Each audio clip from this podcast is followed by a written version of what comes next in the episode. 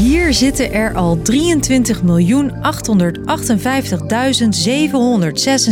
in. Het kan zijn dat het een beetje prikkelt. Oh nee, wacht. 23.858.777. Nee, 778. Hoe dan ook. We lijken af te stevenen op een vaccinatiegraad van 85% onder 18-plussers. Maar, Ja, een coronavirus trekt zich natuurlijk niks aan van grenzen. zeggen hulporganisaties wereldwijd. En die vaccins die rijke landen zouden delen met armere landen dan? Ja, die verdeling van dat zogenoemde COVAX-programma loopt op zijn zachtst gezegd niet storm. Hoe dat zit, dat ga ik, Chrisje, je uitleggen. Lang verhaal kort.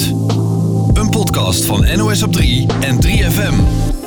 Eerst in het kort, wat is dat COVAX-programma ook alweer? The fact that so many are still not protected is a sad reflection on the gross distortion in access to vaccines. Dat is opgezet door de Wereldgezondheidsorganisatie. Hier hoor je daar de baas van.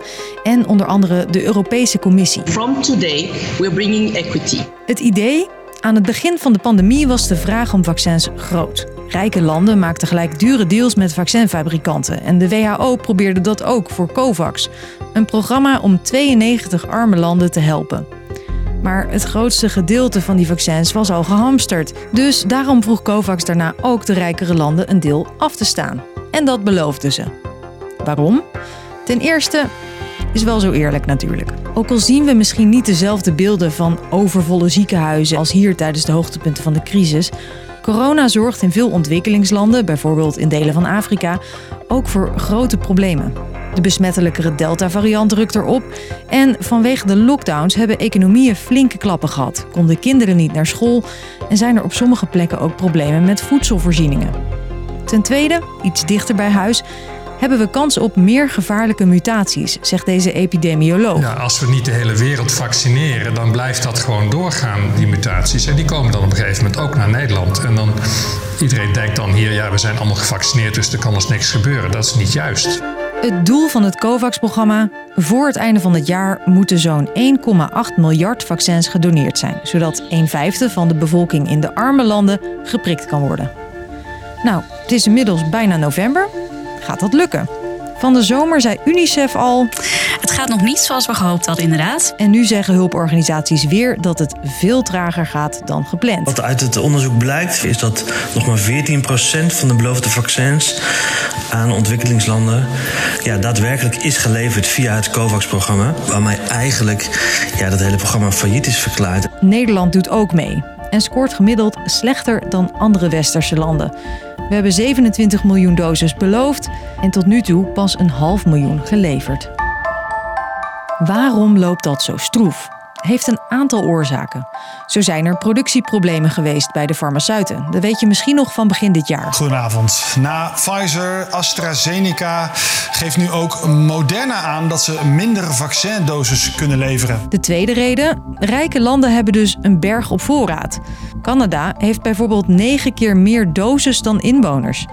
En dus denken die rijke landen na over. A third booster shot. Der ähm, dritten Impfung. Een derde inenting tegen het coronavirus. En. Kinderen vanaf 12 jaar mogen ook een coronavaccinatie krijgen. En zo komt het dat in Afrika pas 2,6% van de hele bevolking volledig is gevaccineerd. En die graad in Europa veel hoger ligt. In Nederland bijvoorbeeld dik boven de 80%. Volgens hulporganisaties moet het dus echt een tandje sneller gaan, die verdeling. Ook omdat ze zeggen dat meer dan 100 miljoen vaccins die door rijke landen zijn opgekocht, straks niet eens meer houdbaar zijn en volgend jaar ongebruikt in de prullenbak kunnen. Maar hoe nu verder? Hulporganisaties, experts en ook politici die hameren hier al langer op. We moeten dat patent opschorten. We moeten zorgen dat iedereen wereldwijd nu uh, dat vaccin kan maken. Dus zodat ontwikkelingslanden gewoon zelf hun vaccins kunnen produceren. Simpel gezegd geeft zo'n patent je het alleenrecht op een bepaald recept. Als meer landen die recepten krijgen, kunnen ze ook zelf aan de slag. Maar volgens farmaceuten is dat niet zo makkelijk en komt er veel meer bij het produceren van vaccins kijken. En is dat voor ontwikkelingslanden een stapje te ver. Daarnaast verdienen de makers nu ook geld terug dat ze zelf erin hebben gestoken. En dus willen ze die patenten niet vrijgeven. Al neemt de druk om dat wel te doen toe. Dus, lang verhaal kort. Tijdens deze podcast hebben in Nederland alweer 90 mensen een prik gekregen. Maar in een groot deel van de wereld gaat dat een stuk minder snel. Met een internationaal vaccinatieprogramma, COVAX, proberen hulporganisaties de vaccinatiegraad in ontwikkelingslanden omhoog te krijgen. Maar het loopt stroef, omdat rijke landen hebben beloofd te helpen, maar de prikken tot nu toe liever zelf houden. En wat wij in elk geval beloven, een uitleg bij het nieuws in pak een beet 5 minuten elke werkdag in je podcast-app. Bedankt voor het luisteren.